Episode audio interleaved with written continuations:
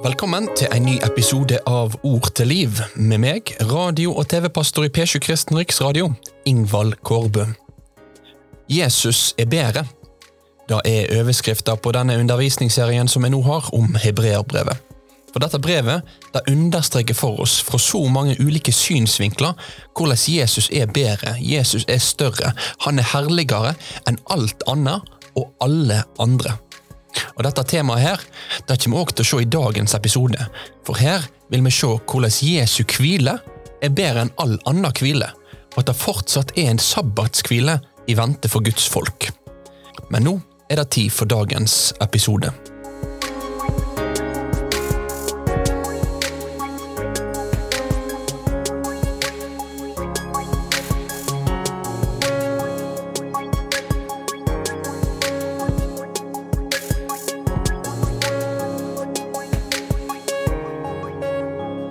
Hebreerbrevet plasserer livene våre inn i Det gamle testamentet. For det er sånn at I dette brevet her, så blir Guds handlinger med sitt folk nå i dag forstått i lys av Guds handlinger med sitt folk gjennom historien. Vi er nå midt inne i et formanende avsnitt som plasserer oss sammen med israelsfolket i ødemarka. Israelsfolket var i ødemarka etter å ha blitt fridd ut fra Egypt og var på vei mot det lova landet. Og du og jeg, vi òg i dag på en vandring.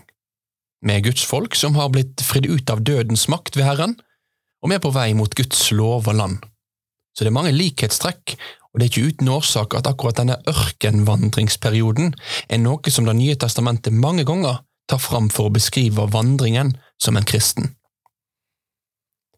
I israelsfolket sin ørkenvandring så ble det tydelig at begynt er ikke endt. Og Når våre liv er plassert inn i denne virkeligheten, så er det for å understreke for oss òg at det samme gjelder i dag. Det handler om å nå fram. Da er det avgjørende. I løpet av Hebreerbrevet kapittel 3 og 4 så er det fire forskjellige aktuelle moment som blir løftet fram for å beskrive hvordan vi kan holde ut i vandringen og nå fram til målet. Kapittelet begynner med Se på Jesus, øverstepresten som vi tilhører. Etter denne oppfordringen til å se på Jesus, så kommer det en oppfordring til gjensidig formaning blant Guds folk for å forhindre at vi blir forført av synder. I denne episoden så er det det tredje momentet fra disse kapitlene som blir tatt fram, nemlig viktigheten av å holde målet klart for seg når en er på vandring. Og I det neste programmet så skal vi komme til det siste momentet knyttet til ordets viktighet. Så for å si det på en litt annen måte, så kan vi si at hebreerbrevet sin forfatter han pakker tursekken vår til livets vandring, med Jesus, med formaninga, med den kommende hvilen og med ordet. Og siktemålet ja, det er at vi skal få fullføre vandringen. Nå leser vi dagens tekst om den sabbatskvilen som er i vente for Guds folk, og vi leser fra Hebreabrevet kapittel 4, vers 1 til 11. La oss derfor være på vakt, så det ikke skal vise seg at noen av dere blir liggende etter siden lovnaden om å få komme inn til Guds hvile ennå gjelder. For den gode budskapen er forkynt både for oss og for deg.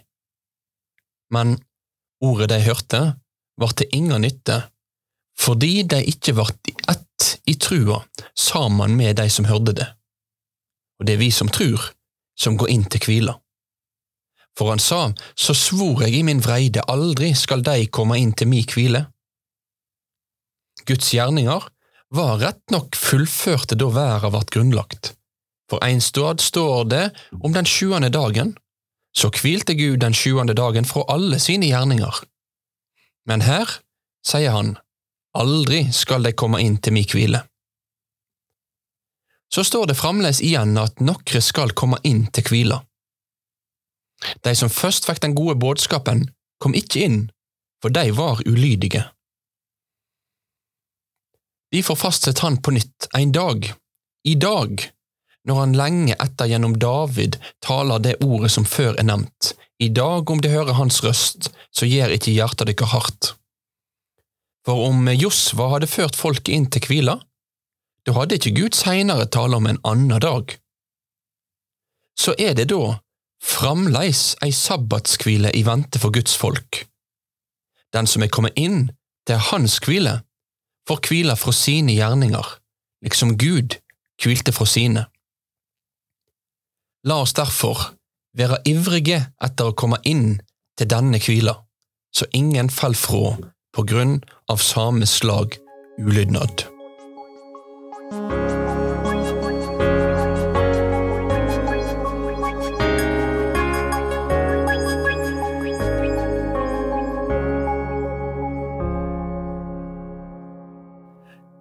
Hvile er et tema som går som en rød tråd gjennom Bibelen.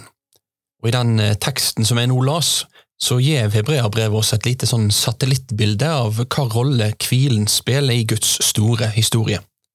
Det begynner med skapelsen, der Gud hviler på den sjuende dagen fra sine gjerninger.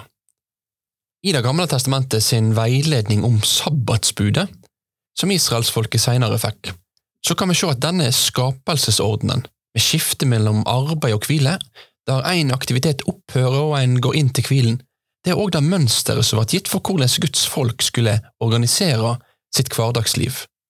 Vi har faktisk å gjøre med en Gud som ikke bare inviterer oss inn i og kaller oss til arbeid, men òg til hvile. Vi har å gjøre med hvilens Gud, og Gud, han både skaper og frelser oss til hvile.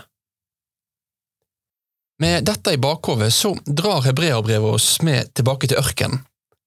For når Gud sa til israelsfolket aldri skal de komme inn til mi hvile, hva hvile var det da Gud sikta til? Var det da å komme inn i det lova Kananslandet, eller kan det ha vært noe mer? Her argumenterer nå hebreerbrevet for at det må ha vært noe mer enn bare det å krysse Jordanelva og ta i eie det landet som flømde over med melk og honning. Det var en større hvile, en bedre hvile, som var i vente for Guds folk. Målet var ikke nådd når Josfa førte folket gjennom Jordanelva.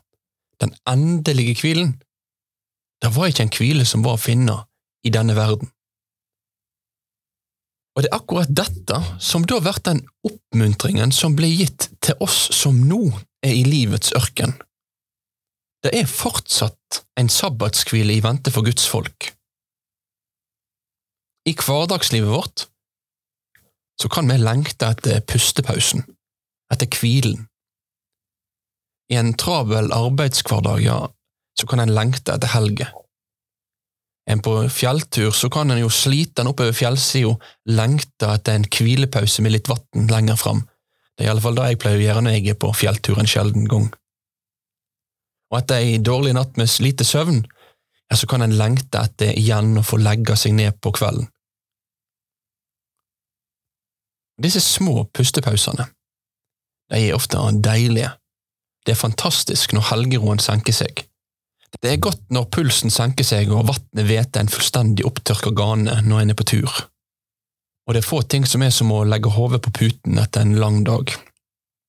Hvilen, den hvilen vi kan oppleve her og nå òg, ja, den er god. Men den er ikke varende. Hvilen er kjærkommen, men ofte så er han jo likevel ispedd en viss uro.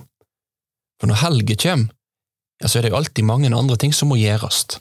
Og på pustepausen på fjellturen så er det jo plutselig noen irriterende flåge eller en iskald vind som begynner å plage.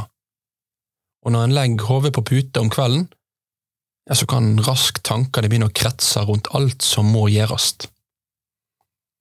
Hvis vi tenker at når jeg bare kommer der, da vil alt bli bra, ja, da ender vi opp med å bli skuffa. Hvis vårt håp er knytta til en hvile vi skal få oppleve i denne hvileløse verdenen, ja, da vil vi stadig vekk kjenne at det ikke ble sånn som vi hadde håpt eller ønskt. Hvorfor? Jo, fordi vår nåværende hvile, det er en hvile i syndefallets verden, i verden etter Edens hage. Så bedra ikke deg sjøl ikke tenk at hvis bare den eller den tingen eller den eller den saken faller på plass i mitt liv, da vil alt bli fryd og gammen. Nei, hvilen her er flyktig. Men det er en sabbatskvile i vente for Guds folk. Sånn som Gud hvilte da Edens hage var skapt, sånn skal òg Guds folk hvile når Gud skaper sitt nye Eden, den nye jord der rettferdighet bor. Da skal alt arbeidet i syndefallets verden være forbi. Det er fortsatt en sabbatskvile i vente for Guds folk. Dette vil hebreerbrevet i dag at vi skal få løfte vårt blikk imot. Hvis vi glemmer det som ligger der framme, da kan vi lett gi opp langs veien.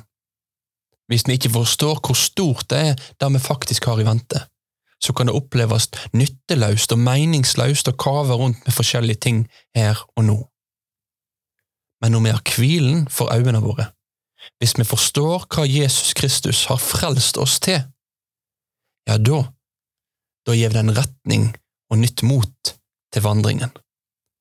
Så la oss være ivrige, ivrige etter å komme inn til denne hvilen. Det er virkelig noe godt i vente for Guds folk, som er så uendelig mye større, bedre og mer varig enn den hvilen israelsfolket fikk oppleve i Kananslandet, og den hvilen jeg og du kan erfare glimt av i vår hverdag. Jesu hvile er annerledes, er mer vedvarende og er så mye større enn all annen hvile du og jeg kan oppleve. La oss være ivrig etter å komme inn til sabbatshvilen for Guds folk.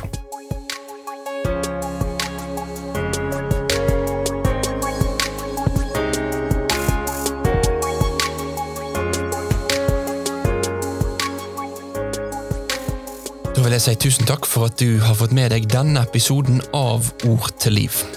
Det var en episode der jeg ville fortelle deg litt om denne sabbatskvilen som fortsatt er i vente. Jesu hvile er større, Jesu hvile er bedre, og den, den har du som bekjenner trua på Jesus Kristus og Han som Herre i vente. Så hold ut, løft blikket og se fram mot målet, da Jesus har frelst deg til. Ord til liv er en av de mange programseriene som blir produsert av P7 Kristen Riksradio. Og hvis du vil høre flere av våre program, så kan du laste ned P7-appen på telefonen din. Mitt navn er Ingvald Kårbø, og jeg vil ønske Herrens rike velsignelse over deg og ditt liv videre.